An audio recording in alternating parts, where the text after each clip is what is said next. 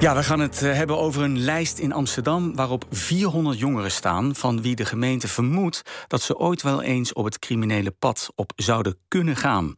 Ik heb het hier over de zogenoemde top 400. Een paradepaardje van toenmalig burgemeester Eberhard van der Laan. Die overleed in het najaar van 2017, maar nog steeds geldt zijn top 400 als een belangrijk project waarmee Amsterdam de criminaliteit hoopt terug te dringen. Alleen worden er nu stevige kanttekeningen geplaatst bij dit hulpplan voor jongeren, blijkt uit een documentaire die te zien is op het ITVA-festival in Amsterdam. Bij mij in de studio zit mensenrechtenadvocaat Jelle Klaas. Goedemiddag, meneer Klaas. Hallo, goedemiddag. U heeft uitgebreid onderzoek gedaan naar die top 400. Ehm, ja, als u het in een paar zinnen zou moeten omschrijven, wat, wat betekent dat? Wat is het precies, die top 400? Nou, het begint dus met de top 600. Dus de top 600, dat is inderdaad wat uh, toenmalig burgemeester Van der Laan heeft gelanceerd met het idee om jongeren en jongvolwassenen die al over de schreef gegaan waren, om die goed bij te sturen, om maar simpel te zeggen.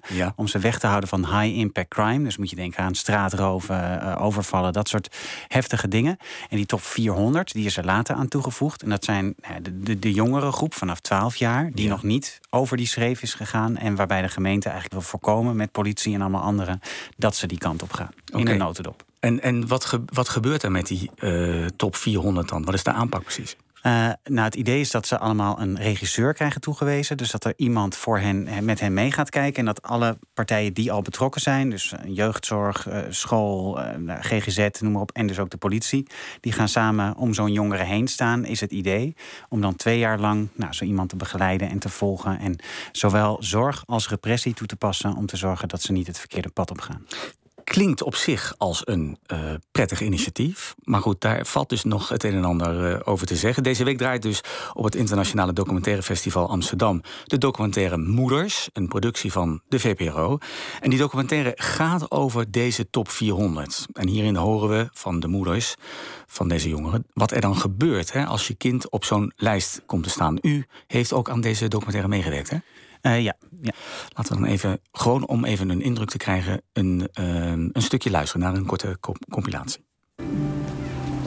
Um, er kwamen twee mensen aan de deur en ik gaf van mij een brief. Uh, onaangekondigd. Zij wilde per se binnenkomen.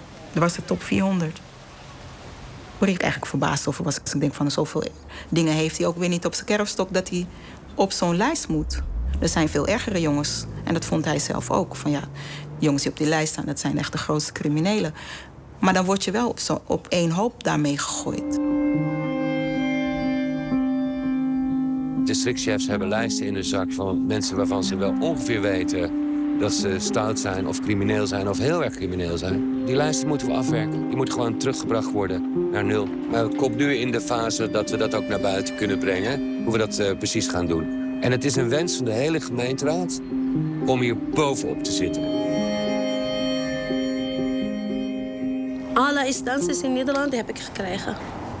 Heel veel.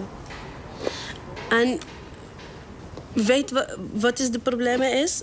Iedereen komt in eigen werk doen.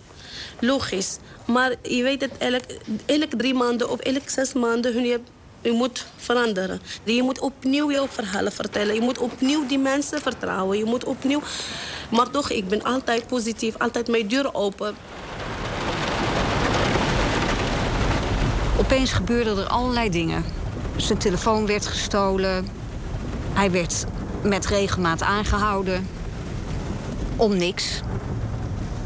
Hij ging naar de pinautomaat. Hij kwam daarna thuis, enorm eh, opgewonden en boos. En toen vertelde hij dus dat er een motoragent... die had hem eigenlijk een beetje klem gezet bij de pinautomaat... wat hij aan het doen was. Van wie die kaart was, van wie die pinpas was. En toen zei hij, ja, van mijzelf, nou laat dan eens zien. Hij is een donkere jongen. Hè? Veel mensen die hem niet uh, kennen of denken... nou, misschien is het een Marokkaanse jongen. Hij was woedend. Waarom? Hoezo? Hoezo word ik weer aangehouden? Hoezo moet ik mijn idee laten zien? Wat is er aan de hand?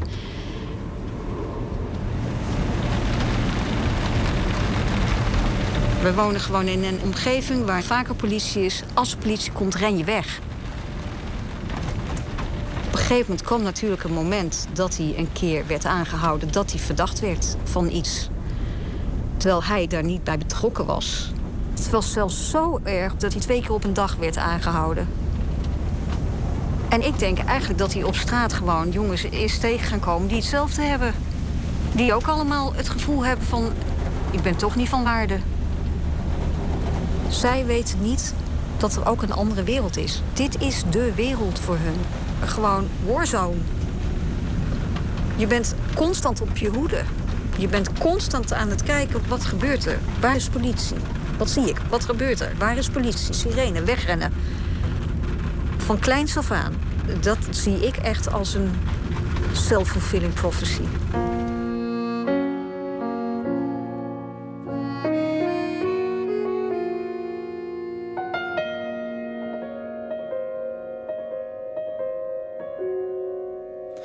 Dat was een stukje uit de documentaire Moeders over de zogeheten top 400 in Amsterdam. Bij mij in de studio nog steeds mensenrechtenadvocaat Jelle Klaas. Ja, we horen meneer Klaas uh, in de documentaire dus veel kritiek van uh, de moeders van deze kinderen op de aanpak van de gemeente Amsterdam. Wat vindt u van die kritiek? Nou, eh, het is vooral veel onbegrip. Dus de moeders snappen niet helemaal goed wat er gebeurt. Ze, eh, overkomt hen iets. En ik denk dat het heel belangrijk is om aan te geven dat veel van de moeders en veel van de jongeren ook die hier, nou, die wij ook hebben gesproken, die hebben echt hulp nodig. Er speelt wel van alles. Maar vervolgens wordt er iets geboden ja, waarvan zij toch vooral politie zien, repressie, uh, surveillance, kinderen die in de gaten worden gehouden. Uh, nou, het is in ieder geval niet een aanpak. Nou, de, moeders die wij hebben gesproken, die ook terug ziet komen, waar ze heel erg uh, nou, tevreden mee zijn. Ja, en, en, wat vindt u als buitenstaander als u daarnaar kijkt? Want u zei, hè, het is zorg aan de ene kant, hulp, maar ook repressie. En u zegt, ja, die, die moeders die zien eigenlijk vooral repressie. Klopt eh, dat? Klopt dat vermoeden? Ja, dus wij, wij hebben uh, WOP-verzoek uh, gedaan. We hebben heel veel stukken gekregen. En nou, daar hebben we naar gekeken. En daar zijn we eigenlijk best wel van geschrokken. En met mij ook een aantal andere deskundigen. Mhm. Ik denk dat sowieso wat belangrijk is, is deze jongeren vanaf 12 jaar. Die hebben dus op zich nog niet echt wat verkeerds gedaan. Nee. We hoorden net van Laan ook zeggen, ze zijn stout. Een deel wordt als lastpakken gezien of overlast. ook vaak pubergedrag. En dan toch wordt daar iets... Nou, dat, dat, dat er achterliggende problemen zijn van het wisselen van school en dat soort dingen. Dat je, mm. dat je op een gegeven moment ondersteuning wil gaan bieden. Dat is natuurlijk prima en hartstikke goed. Maar dat daar ook een politieagent bij gaat zitten. En dat je ook vanuit de repressiebril en ja, ook eigenlijk zo al aanmerkt als wij denken dat deze jongeren high impact criminals worden. Want dat is de lens waardoor er van bovenaf naar beneden naar die jongeren wordt gekeken. Dat is eigenlijk heel erg problematisch. Je zou het echt moeten scheiden. Ze zijn onschuldig tot het tegendeel bewezen is. En je komt op die uh, top 400 lijst ook als gevolg van een bepaald risicoprofiel dat wordt opgesteld hè, door de gemeente. Hoe werkt dat precies? Uh, ja, dus er zijn verschillende manieren om erop te komen. Dus om het heel simpel te houden. Hè. Dus je hebt een groep jongeren die al een keer uh, verdachten zijn geweest. Als verdachten zijn aangehouden van zo'n high impact crime. Nou, daar, is misschien, hè, daar kun je al het een en ander over zeggen. Dan is er de groep die een keer aangehouden is als verdachte van iets anders. Mhm. En die ook een paar keer van school zijn gewisseld of andere vagere dingen. Ook dat ze bijvoorbeeld getuigen zijn geweest of slachtoffer van een misdrijf. Uh, nou, daardoor kunnen ze ook op die lijst komen. En er is een tijdje een groep via een algoritme gekomen waarin dit soort dingen dus niet meespeelden. Maar het ook ging om je familie, het huis waar je woonde. Ja, ja. En toen hebben ze nog 125 kinderen erbij gevoegd, omdat het er namelijk niet 400 zijn. En de gemeente zoiets had van ja, we hebben het de top 400 genoemd. Dus dan moeten er ook 400 kinderen op die lijst. Ongelooflijk. Ja, dus je kunt eigenlijk zomaar op die lijst uh, terechtkomen. Vindt u dat die top 400 lijst moet worden afgeschaft? Uh, nou, we hebben hele grote zorgen over mensenrechten en vooral over stigmatisering en over dat er bijna niet met die gemeenschap gepraat wordt. Daar wil ik het heel graag over hebben. En als die zorgen niet weg worden genomen en die nu nog steeds spelen, ja. ja dan moeten we hier wel eens heel serieus even naar gaan kijken. Interessant. Nou, we gaan kijken waar dat op gaat uitdraaien met die top 400. Heel hartelijk dank voor uw komst, advocaat Jelle Klaas. En de documentaire Moeders is onder meer morgenmiddag te zien in Amsterdam in de Schouwburg om twee uur s middags. NPO Radio 1. Argos.